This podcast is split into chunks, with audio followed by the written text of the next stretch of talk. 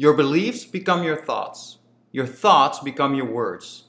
Your words become your actions. And your actions becomes your habits. Your habits becomes your values. And eventually your values becomes your destiny.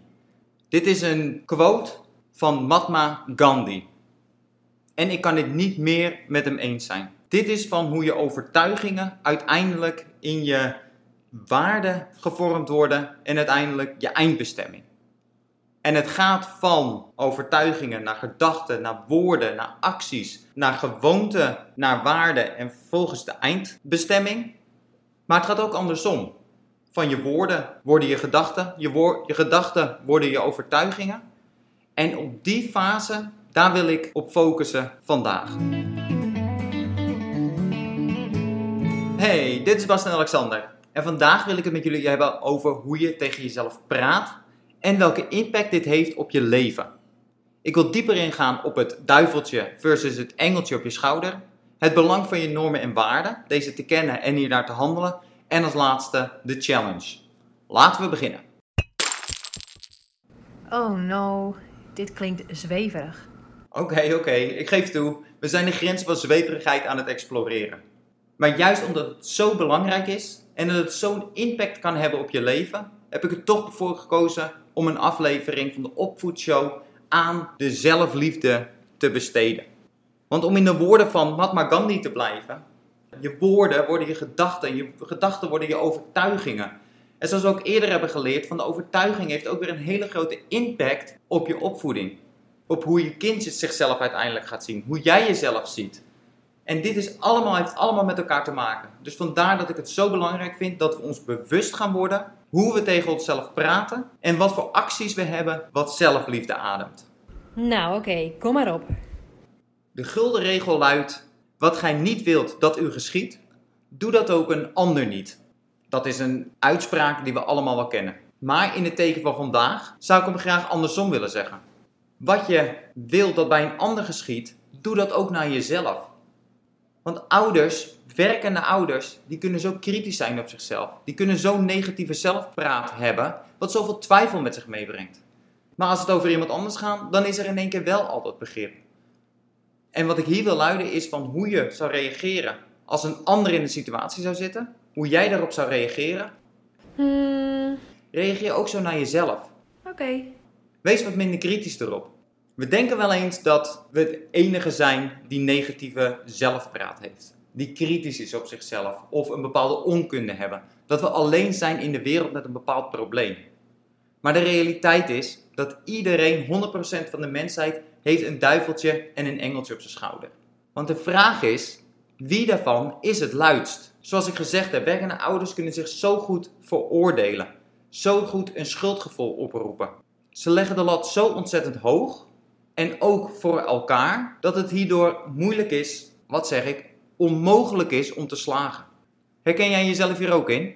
Eh, Laat jij dat duiveltje ook veel luider zijn dan dat engeltje? yep, guilty.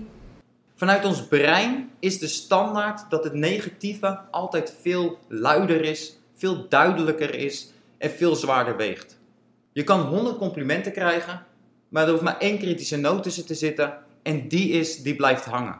Al het positieve in onze wereld, dat wordt heel snel de nieuwe standaard. We wennen eraan en het wordt de standaard. En op het moment dat het dan minder wordt, dan voelen we ons het slachtoffer ervan. Maar als corona iets positiefs heeft opgeleverd, dan is het om daarbij stil te staan van al die dingen die normaal voor ons waren. De vrijheid, de gezondheid, de plekken waar we naartoe konden gaan, het menselijke contact. In één keer valt dat allemaal weg. En dat is dus iets om bewust van te worden, iets om dankbaar voor te zijn, dat we dat misschien nu nog niet hebben, maar dat het er straks wel weer is. En nu je weet dat er ook een wereld kan zijn waarin het er niet is, ben je er in één keer een stuk dankbaarder voor. Dus het positieve is iets waar je heel snel aan went, wat heel snel de standaard wordt en waar je dan vervolgens niet meer aan denkt. Dat het eigenlijk iets is wat je alleen maar kwijt kan raken. Terwijl dat negatieve, dat is iets waar je over, maar over blijft malen en wat maar alle aandacht van je krijgt. En dat is standaard, dat is normaal. Maar dat betekent niet dat je het hoeft te accepteren. Het antwoord erop is dat je er bewust van moet worden. En dat je actie moet ondernemen om het positieve een veel grotere rol te laten spelen in je leven. En om dan terug te komen op dat duiveltje en dat engeltje, is het dat je het ook op die manier projecteert. Van op het moment dat je heel erg kritisch bent op jezelf, of een schuldgevoel aan het aanpraten bent, dat je dan ook voor jezelf beseft, dat is dat duiveltje wat nu op dit moment heel erg luid is. Maar wat zou dat engeltje zeggen? Wat zou die tegenargument van dat engeltje zijn? Van hoe kun je dat engeltje nou luider laten worden? Het engeltje laat je luider worden als je de wereld andersom gaat interpreteren. En wat ik daarmee bedoel is dat op dit moment de meeste werkende ouders kijken naar de standaarden die van buitenaf worden opgelegd en dat ze daar heel erg aan proberen te voldoen. En wat er gebeurt is dat er altijd wel iemand slimmer is, rijker is, succesvoller is. Je kan altijd wel iemand vinden die een slimmer kind heeft, die een betere ouder is. Dat is heel gemakkelijk te vinden. Je kan het zo makkelijk vinden omdat je nooit helemaal achter de achterdeur kan kijken of achter de voordeur kan kijken wat er daadwerkelijk gaande is. Het is dat plaatje wat aan de buitenwereld wordt laten zien, waarin je dus een hele verkeerde vergelijking trekt. En de wereld andersom bekijken is dus dat je niet kijkt wat er van de buitenwereld wordt verwacht en om daaraan te voldoen, maar dat je naar binnen kijkt. En dat je kijkt van, maar wat wil ik nou? Wat vind ik nou belangrijk? Wat zijn mijn verwachtingen nou over het ouderschap, over een werkende ouder zijn? En waar wil ik aan voldoen? En de manier waarom daar naar te kijken is om jezelf af te vragen. Stel dat ik mijn omgeving zou vragen, 10, 15 mensen zou vragen om me heen, wat voor een werkende ouder ik ben. Wat zou ik dan willen dat zij zouden antwoorden? Wat voor een type werkende ouder ben ik? Wat zouden ze op dit moment zeggen en wat zou ik willen dat ze zeggen? En dan kijk je naar wat je wil dat ze zouden zeggen en ga daar nou eens naar handelen. Want dan heb je dus dat je je eigen persoonlijke standaard gaat creëren waar jij aan wil voldoen. En wat je dan krijgt is dat je richting je normen en waarden gaat. Normen en waarden zijn iets wat je van jongs af aan meekrijgt, groot vanuit de mensheid, vanuit het land en identiteit als, als Nederlander zijnde maar ook binnen het dorp of de stad. En ook binnen je gezin of binnen je school, binnen je sportclub. Dat zijn allemaal normen en waarden waarin je constant te horen hebt gekregen van hoe je dient te gedragen en wat belangrijk is. En dat is goed. Alleen nu komen we op een punt waarop we ons kritisch moeten afvragen van is dat eigenlijk wel mijn waarde? Vind ik dat nog steeds wel zo belangrijk? Of is dat iets wat mijn vader of moeder heel erg belangrijk vond, maar wat ik eigenlijk niet belangrijk vond? Maar waar ik nog wel steeds naar aan het najagen ben. Dus vandaar dat het heel erg goed is om je normen en waarden te kennen en die voor jezelf te bepalen en daar dan aan te voldoen. En wat je dan krijgt is dus dat je de wereld van binnenuit naar buiten interpreteert. En dat is dus een standaard, een norm waar je altijd aan kan voldoen. Want vergis je niet, met de social media schijnt net het licht op dat positieve aspect wat ze willen dat de wereld ziet. Maar waar ze niet trots op zijn, dat wordt achterwege gelaten. Dus die vergelijking loopt altijd mank en wees je daar ook bewust van. Het is dus heel erg belangrijk om erbij stil te staan dat je een duiveltje en een engeltje op je schouder hebt. En dat je daarin ook goed beseft wie is er nu aan het woord en wil ik wel dat diegene aan het woord is? Wil ik wel dat diegene die gedachte in mijn hoofd stopt?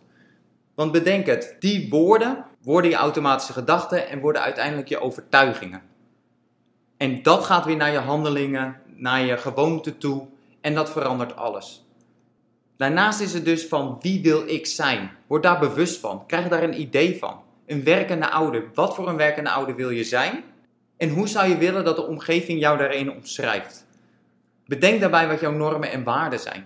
Wat zijn de dingen die je zo belangrijk vindt? En ga daarnaar handelen. En daarin hoeft dus niet de buitenwereld 100% scoren acceptatie van te hebben.